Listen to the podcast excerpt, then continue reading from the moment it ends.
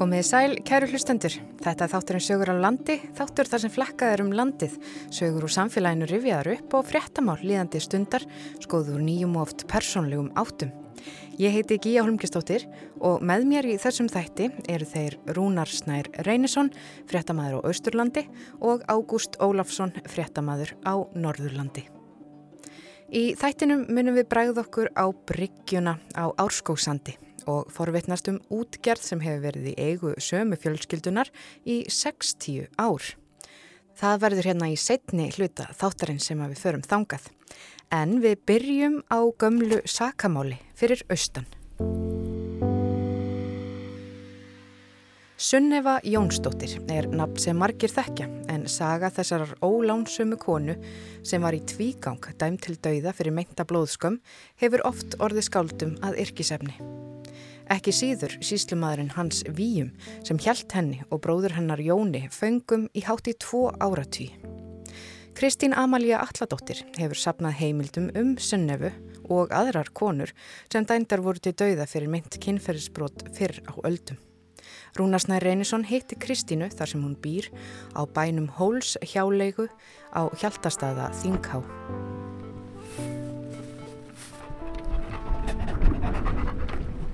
Góðan daginn. Góðan daginn, velkomin. Takk fyrir það. Það er gaman að koma til hérna í hólsjáleguna. Já. Hérna ertu búin að vera að breyta gamlum bæ í, í, mannabústaðið eða hvað? Já, þetta er að verða mannabústaður. Þetta var eðibíli, búið að vera í eði í 35 ár og er agnarlítið en er byggt, mjög vel byggt úr steinni. Þannig ég má eiginlega segja að ég hafi keift hérna mjög góða veggi.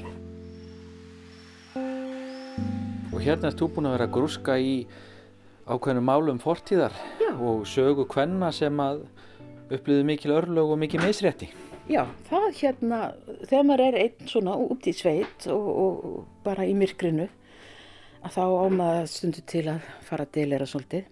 En það var sem sagt þegar að, að MeToo-byltingin kom hérna 2018, þá satt ég hér einn og var að velta vengum. Og eina af þeim hugsunni sem spratt upp í kollinum var sko örlög formaðuranna. Ég held að allir í dag eigi formaður sem eiga einhverjar örlaga og jáfnvel ofbeldisögur. Og ég, ég fór að hugsa með mér líka því ég á mjög sterkar tenginga við, við hérna móðurömmu mína sem að það var nú reynda dáin því ég fættist það var mikið baratu kona fyrir réttundum hverna og, og verkalýsins reyndar alls. Hvort að þetta væri svo dásamlegt að maður gæti með einhverjum hætti, ég veit ekki, að þar fengi með einhverjum hætti að upplifa þessa breytinga sem eru að verða. Ég var svo bjart sín þá. En það hefur nú svona ekkert alltaf mikið gerst í millitíðinni.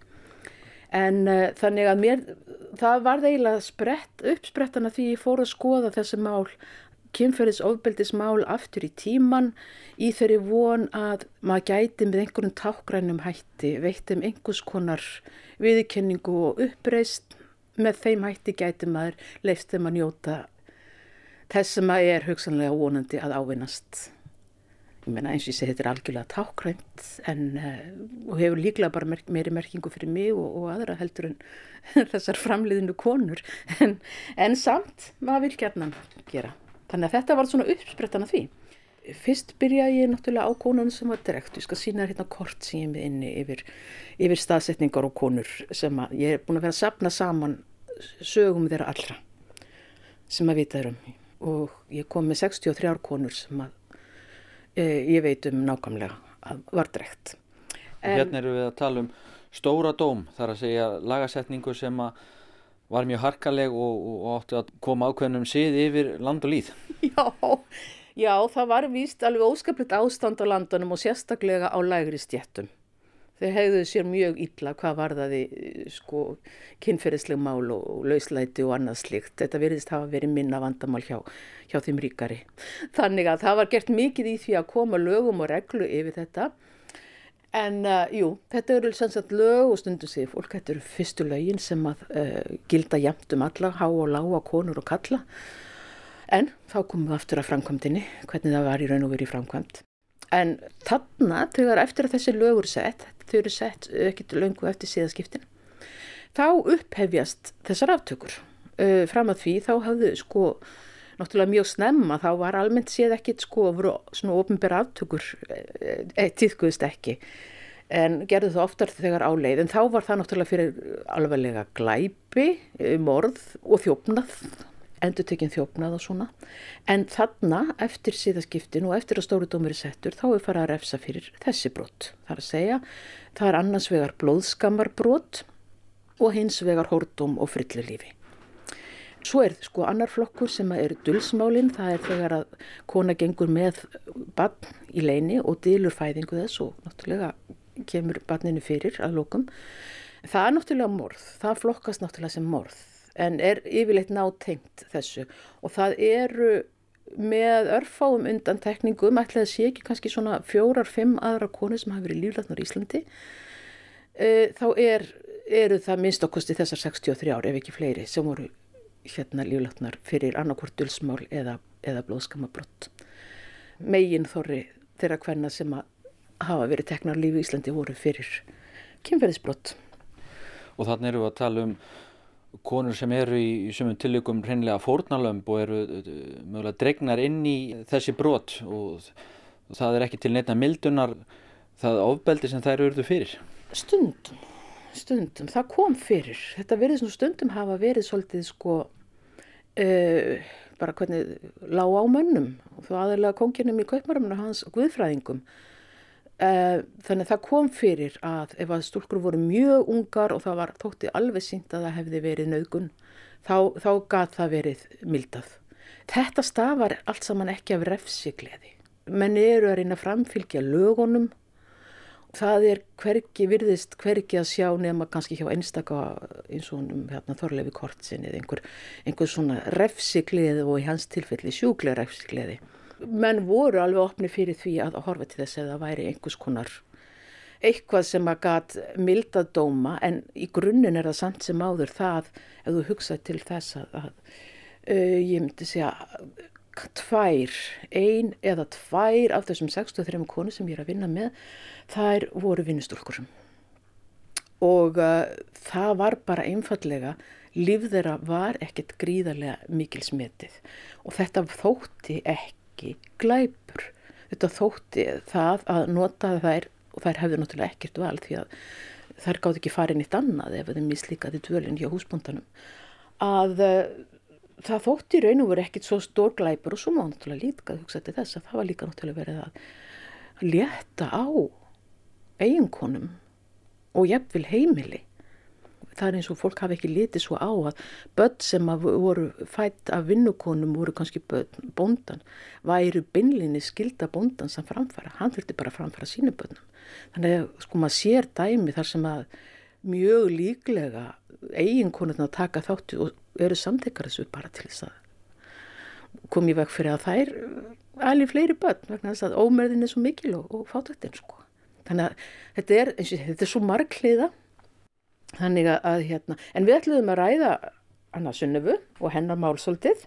Emmitt, hún hefur nú verið á milli tannan á fólki, getur við sagt, hún hefur verið eins konar skáltsagna persóna í, í sumum tilvikum og hefur verið saman um hana leikrit og, og, og, og jáfnvel kvæði eða hvað? Jú, jú, það hefur verið kvæði, það var, uh, var Þorstedt Gilvason samti um hana kvæði og, og síðan hérna fólk, ég held að Eirikur Kjærúf, nei, eða Jörgen Kjærúf mm. og fleiri og síðan hafa verið saman tvö leikrit núna um hana. Uh, hún hefur lifað með fólki hérna en samt sem áður uh, kannski ekki sagan hennar í heild eins og hún er og dáltið í þjóðsagna stíl og það er til dæmis en dæmi um það að, að að uh, drekkingarheilurinn í, í, bestastada á er nefndur sunnufuheilur.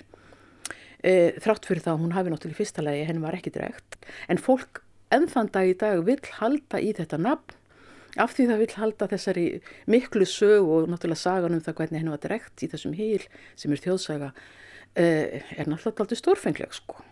Þannig að maður skilur það, við náttúrulega höfum gaman að góðum og sterkum sögum og þannig að það er eðlilegt að þetta viðhaldist. En raunveruleg sagunar hefur ekki beinlinni sem verið sögð og þá í þeim, jú, það hefur jú, skrifað mjög, mjög mikil réttgerð um hans výjum reyndar en þar sem þessi saga er rækin. En uh, hún er alltaf eins og er bara alltaf allstaðar, hvort sem það er í bíómyndum eða, eða annar staðar, þá er hún svona viðfang í sögunni. Hún er ekki aðalpersona, það er ekki verið að segja sögunennar, hún í raun og veru er uh, fyrirbærið sem að veldur örlugum aðalpersonunar. Ég kalla þetta stundum sko leikmunir í bíómyndum. Það sem konur er hlutverk hvenna í bíómyndum er að koma af stað einhverjum hérna atbyrðar ás eða aðstæðum sem að síðan kallarnir þurfa að eiga við, skilur. Það er svolítið sjónarhóttni sem að sagan hennar sunnu hefur verið sagð frá og hitt karlæga sjónarhóttn, það liggur mjög mikið til dæmis bara í orðræðunni og það er gaman að gera einfalda orðræðu greiningu á þessu sjá hvernig orð mér beitt á mismundi haft eftir hver á í hlut, konur eða kall oft á tíðum, nema að sé náttúrulega fátakur undimálskall, þá eru sömu orðnótuðum hann og konurnar. En uh, skilu, þá, hvernig í raun og veru bara þessi meðferð, þessi orðræða, hvernig hún varpar upp í raun og veru kannski annari myndheldur en þeirri sem er raunsönn. Og við ætlum kannski aðeins að fá að fræðast um raunverulega sögu hennar sunni og við ætlum að tilla okkur niður og þú ætlum að segja okkur hana. Mitt, þú má kannski bjóða þetta eða kaffi. Já, takk, endilega.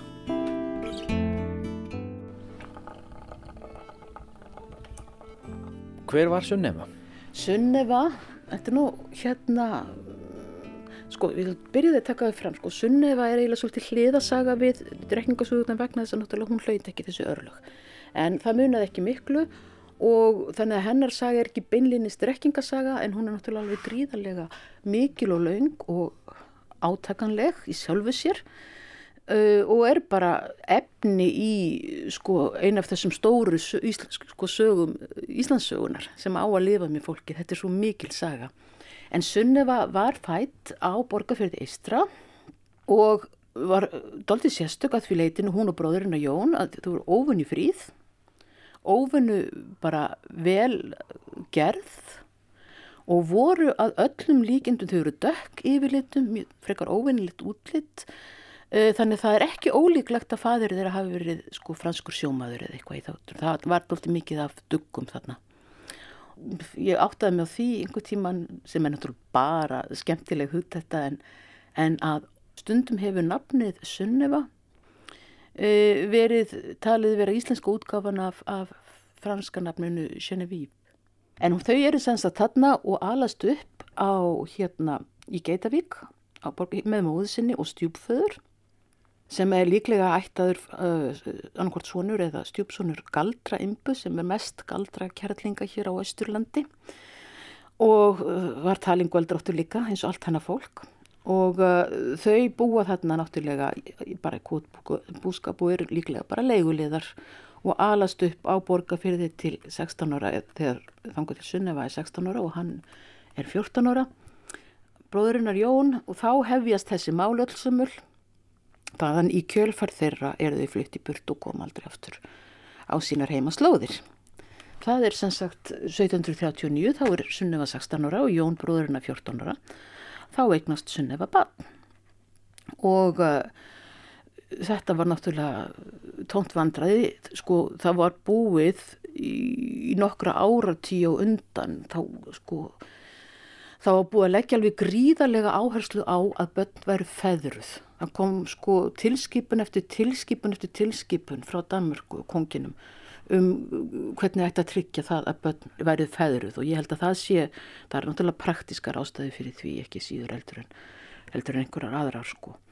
Þannig að gætnan hófst mikið vesen í kringum feðranir á svona börnum og uh, hún eignast þetta barn og hún kennir það Erlendi Jónssoni Bonda á Bakka sem er þarna í nándinni og hann gengst við því til að byrja með en fjórundum setna þá segir hann uh, sig frá þessu.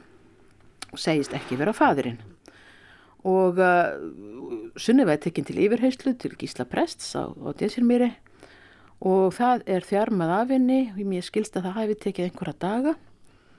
Og á endanum þá viður hún kennir það að batni sitt batn Jóns litla bróður.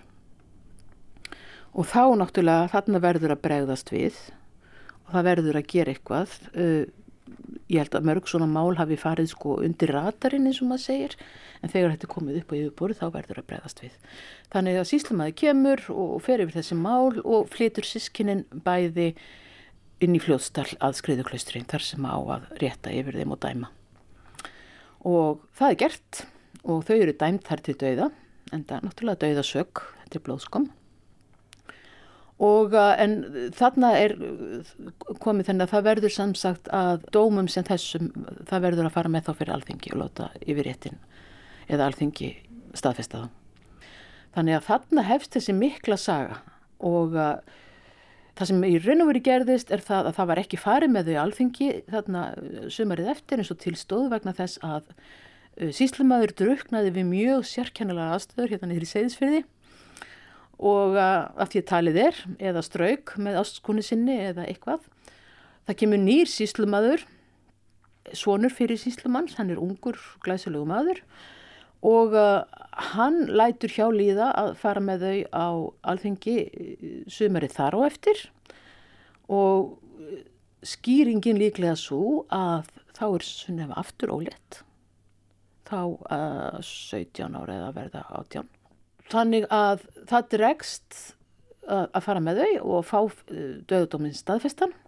Sunniva eignast annað bann og þá er hún sendt frá á sílumansbústanum og, og yfir á eigilstaði. Hún er það einn í einangrun þar sem hún á bannið einn. Hún neytar að gefa uh, föðunafnið.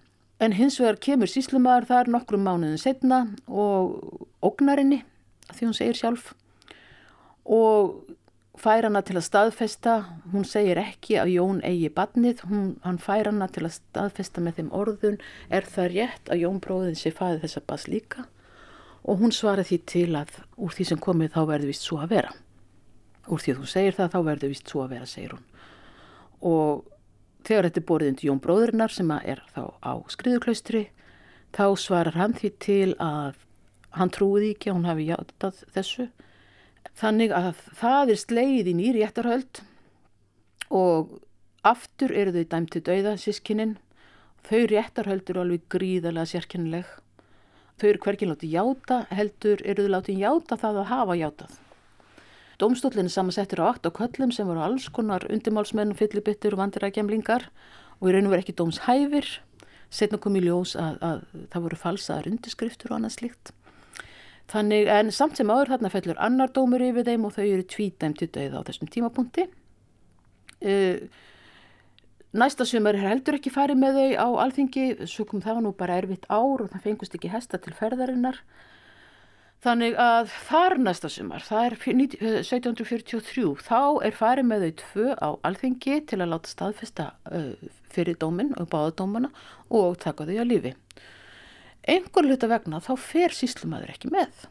Hann á að gera það, hann á að flytja málið fyrir dómi, fyrir yfiritturum en hann fer ekki með, hann sendir hins vegar skrifaransinn og með peningapingju sem eru sko böðilslaunin og það er þarna á alþingi sem að uh, þau fá loksins málsvara, þetta er þau var aldrei skipaði verjandi en eitt slíkt. Þarna fá þau málsvara og fá verjanda og þarna kemur fyrir yfirittunum þetta er alltaf óvennileg málsmeðferð. Þeir eru raun og veru hefja yfirhyrslur sem er alveg óþægt það var, fólk var yfirlt ekki yfir það var bara að vera staðfist að dóma. En það er farið að yfirhauður þau og fyrst í setnamálunu og þar lýsir sunniveði yfir að það sé síslumæður sem ábarnið en ekki bróðurinnar og hún hafi verið þvingu til að ljúa, hann hefur verið ógnað. En þau hérna staðfista hins vegar fyrra brotið að Jón hafi verið fæðurinn en ég trúi þér endar ekki en ég hef aðra skýringar á því hverju þið gera það. Þannig má segja að málið hafi hafist fyrir alvöru. Þannig eru liðin sko trjú eða fjögur áfráð því að þau eru fyrst tekin. En nú fer sem sagt fara alls konar embættismenn að sinna málinu. Þau eru sendið sér ykkur áttina, kom ekki aftur hingað austur strax og við taka dómsmál og afskipti ríkisvaldsins af þessu og ekki síst af sko embættisfærslum síslumans sem eru mjög vafa samar öllum stigum málsins og ekki síður það að hann mæti ekki þarna á þingið. Þannig að þetta er næst, næsti kapli stendur yfir í 14 ár. Allan þann tíma eru þau fangar Uh, fyrst voru þið búin að vera þarna hjá Jens Víum, síðan eru þið þarna í 2-3 orfangar hjá Hans Víum sem að síðan er áleitin vera gerandi í málinu. Síðan faraði á sikkoran staðin, uh, Sunniva til Reykjavíkur og, og, og Jón bróðurinnar til uh, Suður á í, í Skaftafísíslu. Svo komaði aftur hingað austur 51 til að setja enn einn dómin og sko það sem er verið að rannsaka málinu í kjölinn Þá er þið sendið sikku síslumannsins hérna fyrir austan því þá er búið að setja hans výjum af sem síslumann tímabundið og þau farið til annara og síðan endaði aftur 1754 fangar hjá sjálfum hans výjum þessum síslumanni sem er talin vera fadir setna bassins og sá sem er bara markvist búin að vinna að því leint og ljóst frá 1743 þar að segja 11 ár að koma í mig gröfina. Hann ætlar að koma. Þetta er spurningum hann eða þau. Þetta er bara baráta og það vil svo vel til fyrir Sunnufu og Jón að það er valdabaráta annar staðir. Það er valdabaráta um síslamasembati og ítökjirni í síslinni. Það er það sem að verði þeim til haps að þau fá málsvara og það eru aðrir sem sko, heimta rannsókn en hún er gerð til þess að koma hans výjum síslimanni frá. Þannig að þau eru bara svo heppin að lenda inn í þessum sko valda átökum sem að eiga sér stað hérna í síslinni. Þannig að seinustu árin og þá færist stöðut meiri að harka í þessi málöldsamur, það er verið að sverja eiða og, og hitt og þetta en þau eru fangar hjá þessum kvalara sínum síðustu árin og uh, undirlokin 1756 þá er sko hans výjum fengt búin að fá aftur sitt vinnir hans í Danmörku voru búin að fara með málið hans fyrir hæstarétt í Danmörku og hann var búin að fá síslumasembatið aftur og fá að sverja eið fyrir batnið. En sko dómarar bæði hérna í sveitum hérna fyrir norðan og, og hérasréttum þeir voru allir á, það trúði aldrei neitt hans výjum og uh, fannst þetta allt í raun og vera hálf fyndið að hann skildi vera búið að setja hann aftur í ennbætti, hann skildi vera að síkna þegar allir vissan væri sekur og á seginasta þinginu hérna í Reykjadal fyrir norðan þá er ákveðið að veita sunnefu rétt til þess að sverja fri Jón, bróðsinn. Ef hún sver að Jón bróðurinnar er ekki fæðibassins, þá er hún lausallarmála, þá er ekkert blóðskamarmál. Hún þarf ekki að sanna það að hans výjum hafi verið fæðirinn. Og uh, þarna stoppar hans výjum þingið og fær það í gegn að það þurfa að staðfesta þetta þennan auðtöku rétt sunnefu á alþingi og hann fer með hana heim aftur og Jón bróðurinnar að eigðum þar sem þau eru fangar hans. Hann fer ekki með þau á næsta þing eins og nátt að gera. Amtmaður yfir Íslandi sendur hann bref ámannarinn og skipar hann um að koma með sunnifu á þingi þar á eftir. En áður en því kemur þá deyr hún sem fangi hann. Þannig að eh, ef hún hefði komist á þingið og svarið þá hefði hún og Jón bróðurinnar orðið frjálsa manneskjur eftir 19 ár. En þeirra líf var í raun og veru búið. Hún var búin á sál og líkama, hún, hann hefur líklega sko, þetta var uh, gríðarlega erfitt ár, erfið ár hættan 1757-8, mikið hungur, mikið mannfellir og það hefur greinilega, hún hefur ekki fengið forgang í matargjöfum öðru slíku. Þannig að hún deyr ábyggilega úr hungri og, og vósbúð. Jón tórir af því Jón er búin að gefast upp bróðurinnar, hann er búin að gangast víum á hönd og fann að játa á sig glæpin, hann, hann er bara búin þetta er sem að, eða maður sem var bann þegar hann var fangi, hann er búin að vera fangi 19 ár, hann er bara bugaður og sál og líkama. En líklega þess vegna tórir hann þannig að, að það er bara bara skerfilegt, þetta er í raun og veru bara, þetta er náttúrulega réttarmorð, það er það sem það var sko. Þessi réttarhöld og þessi málatilbúnaðar allur, hann var svolítið sérstakur, þetta virtist snúast mikið um sunnefu, hvernig manneskja hún væri? Já, maður sér það hvernig þið talað um sakafólk. Það er yfirlt ekki fallega. Og það er náttúrulega ákveðin þörf ríkjandi til þess að gera fólki upp skýtlegt eðli, eh, sína fram á það að þetta hafi verið bara eðlislegt slemt fólk, líka til þess að létta á, sko til að réttmæta laugin, til þess að réttmæta meðferðina og létta í ákveðin tilfellum á samvinskupiti. Þetta er svona daldið eins og þegar að fólk er að ganga í dauðan eða það að, fara að taka á lífi, þá er lögð alveg gríðarleg áhersla á að fólk sættist við örlög sín. Þetta þjónar gríðilega mikilvægum félagslegum þætti. En það er kannski að, það, að, að samfélagið geti framfyllt þessum dauðadómum, teki fólk að lífi í fullkominni vissu um það að það sé réttmætt og að viðkomandi hafi fengið að, að játa og, og, og yðrast og sé ekki að fara á slæman stað í framhaldslífinu. Þetta bara er, skiptir samfélagi miklu máli. En sko að því við vorum búin að tala um sunnöfu og síðan tal, hvernig þið talaðum hana sem lausláta og ástsækna mannisku við vitum að því hún hafði kynferðislega samrætti við kallmann tvísur æfinni, hugsanlega oftar en við vitum staðfest þetta. Og uh, það kallast nú valla ástsíki eða, eða ástleitni eða lausleiti þegar að síslumæður hans vím er búin að eiga og það segir í ákveðinu texta lendir í því að eiga tvö lausalegsbönn áður en að þessi mál byrja þannig að hann er ekki ábyrgugjörða sinna. Hann bara lendir í þessu en hún, er, hún fær þessu orð. Hún er sem sagt lauslát og lauskirt og eitthvað. Þá sé engar sannanir fyrir því að, að það hafi verið.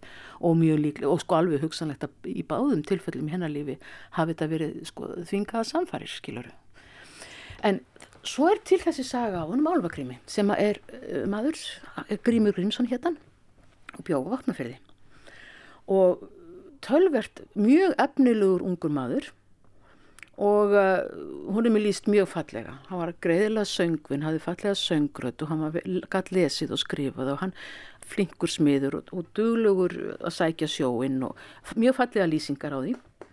Nefn að hann hérna í sko sögun Sigfús og Sigfússon þá er sem sagt þetta er þjóðsaga um álvagrím. Það er þessi grímur sem er þessi grímur Grímsson sem að uh, lendir í klónum á ástsjúkri Huldumei og hún, hann er 15 ára gammal þegar hann tekur upp þess samband við Huldumeina en svo setna mér þá renna hann tvær grímur og hann hættir við. Og hún verður svona sárasvegt að hún leggur á hann bölfun svo sem var svo stúrin yfir þessum sambandsslitum konu verða gett hann svolítið stúrnar þá eins og nú yfir sambandsslitum mm -hmm. og hérna leggur á hann álög. Mm -hmm. að semst að honum mun ekki ganga neitt í hægin og það munu öll hans vandraði munu snúa á konum. Heiðu, vitimenn, bara frá þessum degi þá er hann í stöðum hvenna vandraðum hann byrjar á því að batna ykkur á konur hingaðu þangað, hann á tvö börn í frillu lífi sem sagt. Og lögin er náttúrulega ströng og það er mikla sektir við þessu.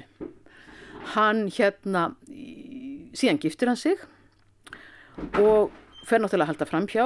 Hann eignast í kjölfarið þrjú ef ekki fjögur hórdómsbönn og það er náttúrulega þannig að við svona hórdómsbrotum likur er dauðasökk. Þannig hann er réttilega sko dauðasökkur. Eh, eitt af bönnunum það var álitið að hann og, og hérna stúlkan sem hann átti batnið með hefðu drefið batnið sem er önnur dauðasök. Það mál fórrindar fyrir alþingi og fyrir yfirréttin og það þvæltist í réttakerfinu en komst einhvern veginn engin botni í það. Hann held áfram að eiga börn með konum, fjekklokksinn skilnað og eignaðist, þannig að ég held hvort hann átti allt í allt fimm börn uh, fram hjá eiginkonu sinni. Uh, margítrekar dauðasakir. En svo vil svo til að sko álög huldukonunar þau átt að vara í 15 ár. Þannig að henni komin yfir 30 og þegar við erum komið hér við sögu hann er sem sagt búin að eiga öll þessi börn í hórdómi og ætti með réttu að hafa búin að missa höfuði nokkrun sinnum og hugsanlega uh, drefið eða ekki hjálpað einu barninu til lífs uh, sem er morð að þá fær hann loksinn skilnað, giftist einn af batsmóðunum sínum og bara hættir öll þessu vissinni þarna bara renna af honum sko á laugin alveg eins og álkonan hafi fyrir sagt. Þannig að hann er mikill sómamaður og lífir góði lífi og verður góður og gegn samfélagsstætt þegar að sem sagt álögin renna af honum. Og sko þessi saga verður náttúrulega til eftir á og mér finnst svo stórkoslegt hvernig, af því að nú vitum við að, að þessar þjóðsugur eru þjóðsugur og oft held ég að sé nú ímislegt svona í þeim þær segja manni eiginlega meira bara um samfélagið sem að sögurnar verða til í heldur en sko raunverulega sögurnar. Þannig að þetta finnst mér svo stórkvæslega skemmtileg saga að því leiti þarna sjáum við ekkit svo laungu eftir sunnumálin hvernig samfélagið af því að þetta er drengur af, hann er á góðu bóndafólki komin og verður síðan góður og gegn samfélagsþegn, hvernig þörfin á að búa til þessar skýringar á hegðunans og að því við trúum nú ekki beinlinis á álvakonur og, þeirra, og þessi álög. Tilverði þessi saga sem segir það að auðmingja álvagrímur var náttúrulega bara alls ekkit færum að stjórna sinni hegðun. Hann er á enganhátt ábyrgur fyrir öllum þessum barnegnum og þessum uh, brotum sem eru ítryggu döiðasök. Og svo bara, þegar að, að hann loksins uh, róast, þá sem þetta renna af hann þessi álög. Ef þú ber þetta saman við sunnu og ber þetta saman við uh, hvernig er eins og ég segi bæði talað um þess að konu sem var dregt sem og aðrar konur, sekar konur og annað slíkt hvernig samfélagi bara hleypur til grýpur álvagrým og bara það verður til þetta all þessi saga og all þessi veruleiki eða til þess að réttlæta hans gjörður, bara einfallega og allir eru viljur, það er svo mikill vilji til þess að réttlæta það. Þegar er hins vegar aftur á móti er ekki vilji á hinbógin þannig að þetta er svona og skemmtilegt dæmi bara örstu dæmi um sko þetta tvöfaldakerfi, þetta ólíka gildismat sem lagt að fólk að En segðu okkur aðeins stutlega, segðu okkur aðeins frá því hvernig mynd byrtist af sunnefi í öllum þessum málskjölum og, og hvaða viðhorf? Sko það eru eiginlega setnitíma skrifin sem að sko fjalla um lauslætið og annað slikt. Það sem er svo merkilegt er hvað skýn í gegnum allt hvað bóri mikið virðing fyrir henni. Þau höfðu eitthvað þessi sískinni. Þau voru náttúrulega einstaklega fríð. En þau höfðu eitthvað með hún, það er talað um hana sem handvirðulega konu og úst, hún er vel gerð sem er mikið lof því yfirleitt eru það kallaðar, þetta eru kellingar hérna eða konu pínslir og hitt og þetta og, og, og þetta. En þarna það er, það er sko í upphafluðskjölunum er farið tiltölu að fallegum orðum um hana, hún vakti gríðarlega eftirtækt alltaf sem hún kom. Það er einhvern veginn hún kallaði og þau bæði kalluðu fram einhvers konar aðdáðun og virðingu. Þau hafa verið mjög sérstök en þegar þú kemur frem tíman og fólk er fyrir að reyna að réttlæta hans výjum þá kemur upp meiri þessi umræða um, um, ja, um leyslætið og afsleitnin og annað slikt en hún hefur verið alveg ótrúlega hugrakk og ótrúlega sterk því að þó svo, eins og ég sagði á þann, hún lendur í því að, að lenda inn í þessari valdabaratu. Þá stóðum sér stikkinu og hún, hún sko stóð frammi fyrir hans výjum verandi fangjans í allt elt í cirka sjö ár inn í hans húsum og gaf sig ekki. Kona ómentuð að fátöku bændafólki komin, líklega ólæs og skrifandi, engan félagslega stuðningur, ekki neitt en hún stóð sig, hún stóð í lappinnar ekki með látum, heldur með seglu þannig að hún hefur verið alveg, þau hafi verið einstök og það sem er dáltið áhugavert að eftir að hún er dáin þá er farið með Jón á alþingi og þeir voru svo hlýðhóllur honum dómararnir í yfirréttunum að þeir ákvaði í staðin fyrir að láta taka hann bara lífi af því hann var búin að játa á sér setna barni að þá gefa þeir honum tækifæri til að sverja eigðin sem að Sunniva átt að fá að sverja og sverja batnið af sér. Hann gerir það ekki, hann er búinn, hann vil bara deyja þegar hann er komið sög. Og þá gerist það, þeir verða, þeir dæman til dauða og minn grétu í réttin. Þeir feldu tár, það er skrásett. Þeir feldu tár yfir því að þurfa að dæman til dauða. Það segir þetta alltaf, vegna að lífið var ekki dóskaplega dýrt á þessum tíma og hvað þá líf svona fólks. Þannig að ef að andmaður og yfirvaldið fellir tár í þennan dóm af þessum tíma þá, þá er það mjög sérstatt Kristín Amalí Allardóttir takk kærlega fyrir að segja okkur sögun hennar sunnu Takk sem ég leiðis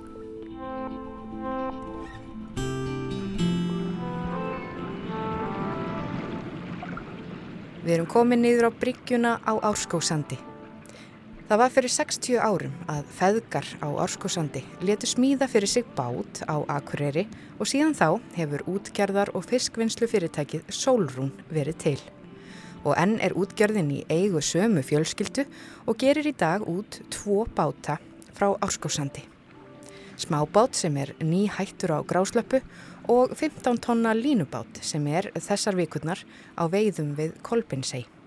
Ágúst Ólafsson brá sér á bryggjuna á Orskosandi og hitti þar Pétur Sigursson, framkvæmdastjóra Solrúnar EHF. Blessar sæl. Ég finnst við erum komið hér nýra á Bryggju og Áskórsandi og, það glampandi sóla á okkur, er svolítið kallt. Bátatinn nýkvörnur að landið eitthvað? Já, Særúnin hún var að koma í landi í, í, á, áðan, var að draga upp grásleipréttin, búin að vera 35 dag á grásleipu og, og aflinu verið ágætur, sennilegin besta vertið hvað var það magn, sem bara síðan við byrjum á þessu, eitthvað, eitthvað yfir 60 tonn upp úr sjó, 62-3 tonn, mm. en verðið af, afskaplega dapurt. Mm. Það er aðeins um þriðjungraði sem var fyrir tveimur árum. Mm. Þetta heyrir maður, heyrir maður núna og, og þið láttu ykkur hafa það? Jú, jú, jú, jú, er, þetta er svona eitt af þeim, þeim póstum sem við höfum verið með og mm. það, það þarf að taka þátt í þessu og, og við erum búin að vera að gera hjálp á grásleipu svona smærri báta í enn 20 ár mm. og, og þannig, þannig að þetta er svona, já, frá þessum við erum einn og upp í þrjá mest. Nei, því 20 ár segiru, þannig að útgerar og, og, og fiskusli fyrirtækið Solrún að það, það er ekkert að byrja í, í dag? Nei, Sol, Solrún uh, áheila rættur sinni að rekja það að segja það fyrirtæki sem er í dag alveg aftur til 61 mm.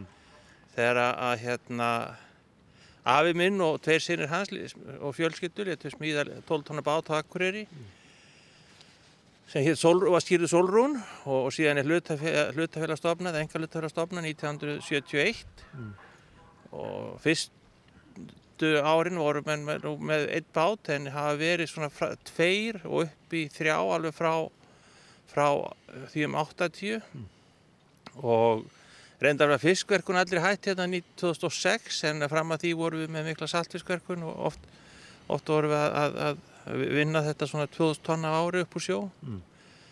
en, en, en útgerðarsagan er svona þessi að, að, að hún er búin að vera síðan 1961 reyndar kannski öglengur vegna þess að, að Afi Heitin sem var einn af stafnundin Solrúnar hann e, var hér að gera út með tengdaföðu sínum í kringu 1930 og, og, og, og hérna sagt, langaði minn tengdafæðir af að hann var hér upp úr 1900 með trillútgerð þannig að það komið aðra öll sem fjölskyldin er hérna brasa við útgerð.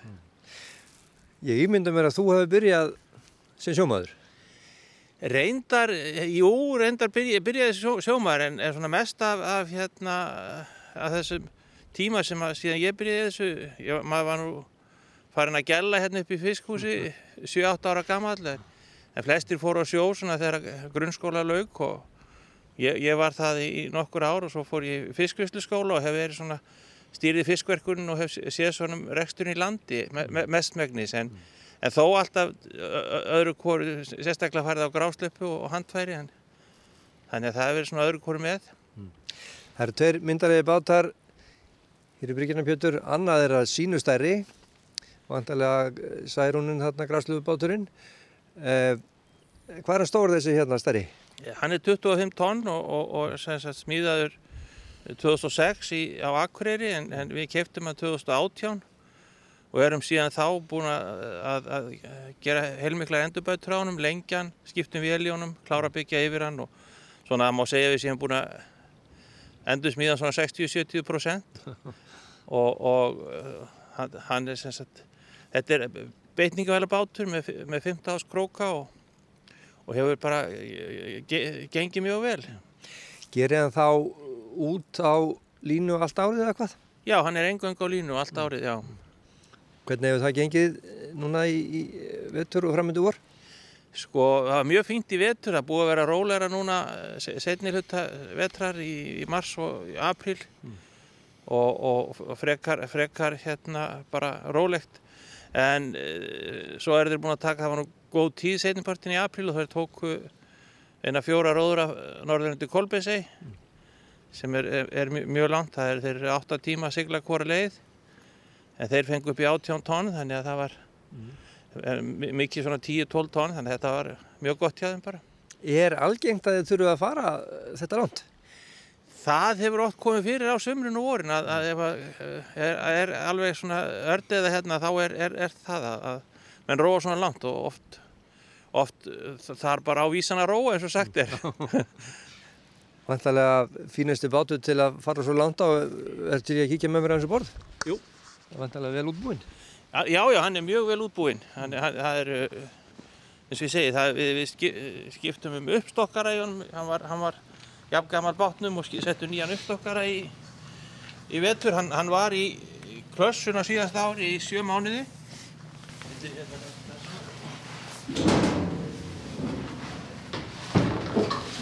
Hérna er bara allt tilbúið fyrir, fyrir næsta róður og eina sem áttur að gera er að taka beitunum borð. Já.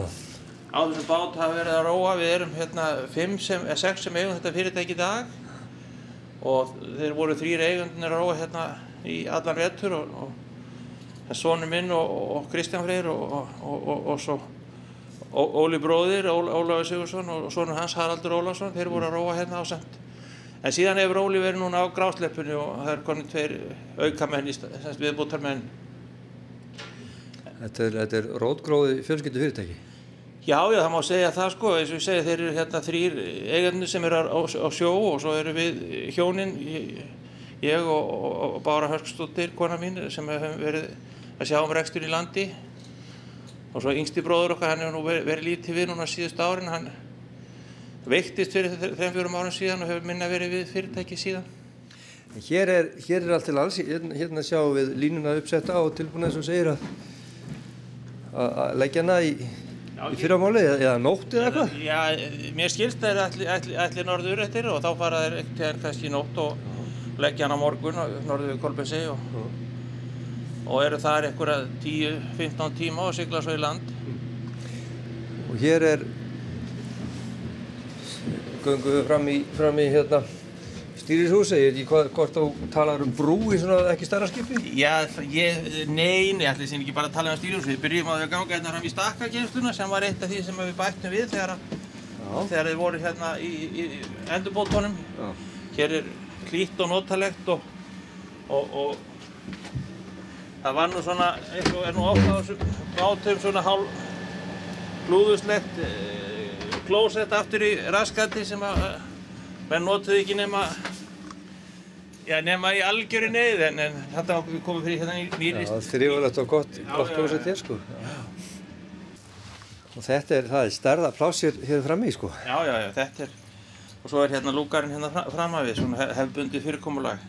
Já, nú, menn hluta þurfum að leggja þessi ef það er 8 tíma sigling hvora leið? Jú, jú, þeir, þeir, þeir gera það, þeir reyna að sofa sem mest sem þeir geta á, á stíminu. Hvernig eru skilinni, Pétur, að, að hérna, gera út svona báti. Þetta er náttúrulega tveir gjör ólíki bátar og gjör ólík útgerð á þeim tveimur.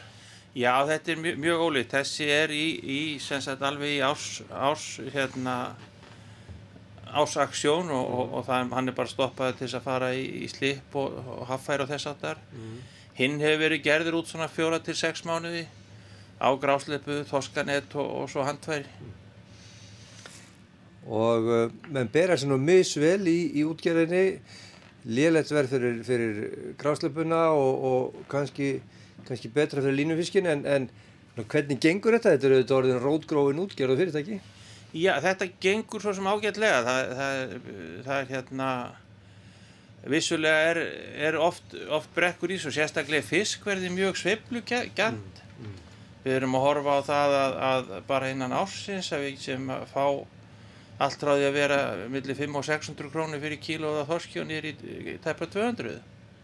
Það er uh, muna miklu. Já, menn veit ekki alltaf þegar þið fara á stað sko hvað verður eftir tekjan. Það er ekki nóg að þurfa að stíla á það hva, hva, hver aflinn er að það voru oft mikil, mikil ver, verða sveiflur. Um, en uh, ef við tölum hérna kannski um þennan stað Áskúsand, þú, þú talar um hér hafi verið talsveið fiskvinnsla og, og fleira en, en eru þetta einu bátarni hér á stanum? Nei, það er sem sagt uh, annað, annað fyrirtæki hérna sem er með, með tvo báta líka en þeir hafa eh, landað á Dalvík mm. GBN og, og síðan eru hérna einhverjir tveir að þrýri sem eru skráður hérna viðbútt.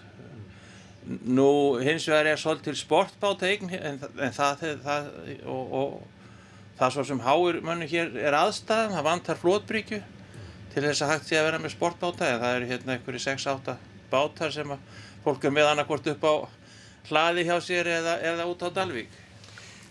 Hérna hinum meginn í höfninni sjáum við ferjubryggjuna þannig að hér er mikil umferð allan daginn, fullt af bílum hér á, á kantinum og, og þeir eru þetta tengist hrísæðiferinni. Jújú, það eru hérna öllu jafna 40-60 bílar sem eru bara bílar sem eru í eigu hrísæðinga og, og, og þeirra gesta. Og eins og það er yfir sumari þá er þetta mun meira og þá oft, oft vandræði með bílastæði og við höfum svona svo lemt í því þegar við erum að koma til vinnu. Ef það er, ef það er eitthvað um að vera í hrísi um helgi að það er leggja, leggja standa bílar jafnvel inn í innkesslu hjá okkur fyrir fiskhúsi. Þannig að það er allavega mikil umfyrir þó sem kannski mis, misvel séð Já, já, en, en það er endar sko, eins og ég segi, það er eh, bara mjög fínt að hafa þessa umferð hérna og, og, og hér er komið talsverð svona þjónusta eins og þú sagðir, hér var mikil fiskvinnsla, það voru hérna gerðir út þegar mest var eh, fimm stórir bátar á bylunu 100 til 250 tonn og, og mikil fiskvinnsla. En það hefur dreigist mikið saman og bátunir orðinir minni og, útgerðina minni en, en að mörguleiti mörg, sömu aðilar sem standaði þessu mm. nú síðan hefur komið hér upp upp hérna bjórversmiðja og, og bjórböð þannig að, að við, segja, við séum bara farnir úr fiskinum í bjórin á mestuleiti Akkurat, þeir voru alltaf búið bryggjuna áttur. En það er allavega, allavega hér á þessu bótu að sjá að, að aðstæðan er góð og, og það er eiginlega miklu meira pláss en maður gerir sér grein fyrir við að við sjá, sjá bátinu og hann á bryggjunni. Já, það er, það er bara mjög gott pláss hérna borð og þetta, ég, þessar breytingar hafa tekist mjög vel og, og er, þeir eru bara mjög ánæði með það strákættir. Mm,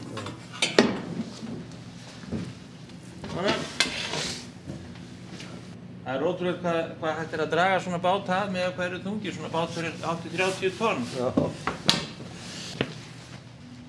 Hvernig sér þú fyrir þér, Pétur, framtíðinni hjá ykkur? Nú, nú já, ég, þú telur hér upp unga menn í fjölskyldunum sem eru, sem eru að róa og, og gera út og þannig að það er kannski ekki vandi hjá ykkur eins og mörgum öðrum að, að hér eru afkomendur til að taka við. Já, já, já það, það vandar ekkit og sko, sem ég sagði á það, þá eru sem sagt Eh, er sem sagt eh, strákarnir Kristján og Halli þeir eru, allir þeir teljast ekki vera fjóriði ætliður í í þessari útgerð og, og, og, og það eru verið svonu Kristján sem hefur verið að róa með núna tvö sömur og hérna og mér skilst að svonur Halla sé að fara að róa eitthvað með þeim í sömur þannig að það er að koma 50 ætliðurinn inn þannig að þetta er bara svona gengum mann fram að manni sem þú að segja sko og unga fólki alveg til ég að taka við þessu og sér framtíð í þessari útgerð og þessari atvinnugrein?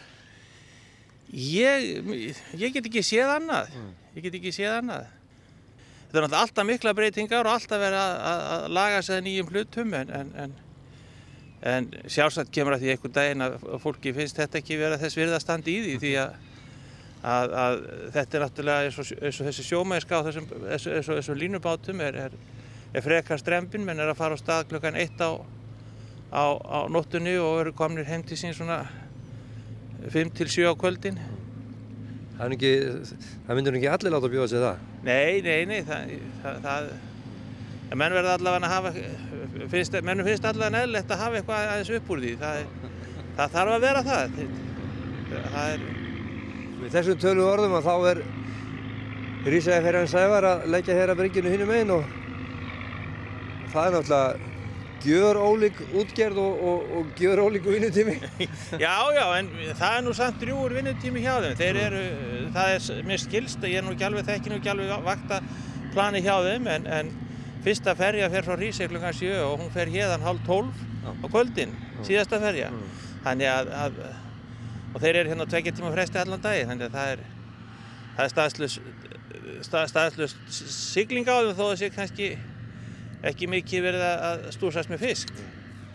Og eins og segir þínir menn alltaf leggja í hann já svona upp úr miðri nóttinu undir morgun já, út af Kolmessi? Ég ger ráð fyrir því sko og, og, og, og gráðslegu báturinn við förum að undirbúa núna á net, hann fer einhverja vikur á þoskanett mm. og síðan fer hann á, á, á strandviðar í, í í, í hérna júni. Já, þið ætlaði að fara á, á strandu þetta núna í, í, í sumar. Já, við ætlum að taka aðeins þátt í því. Það er, það er, hérna, það er allir að fara á strandveri í ár og það verður að maður verður að taka þátt í því. Pétur, það er mikið að gera og, og sem er gott og bara takk hérlega fyrir að gefa tíma að spjalla við ykkur. Já, takk fyrir mig. Og þá er komið að lokum hér í sögum af landi í dag. Viðmælandur í þættinum voru þau Kristín Amalía Alladóttir sem rannsakað hefur sögu Sunnefu Jónsdóttur og annara Kvenna sem að dæmdar hafa verið til dauða fyrir meint kinnferðsbrot fyrr á öldum. Einnig var rætt við Pétur Sigursson, framkvæmdastjóra Solrúnar EHF á Áskókssandi. Tæknimaður þessum þætti var Lítiða Gretarstóttir. Við þökkum þeim sem hlýttu. Lífið heil.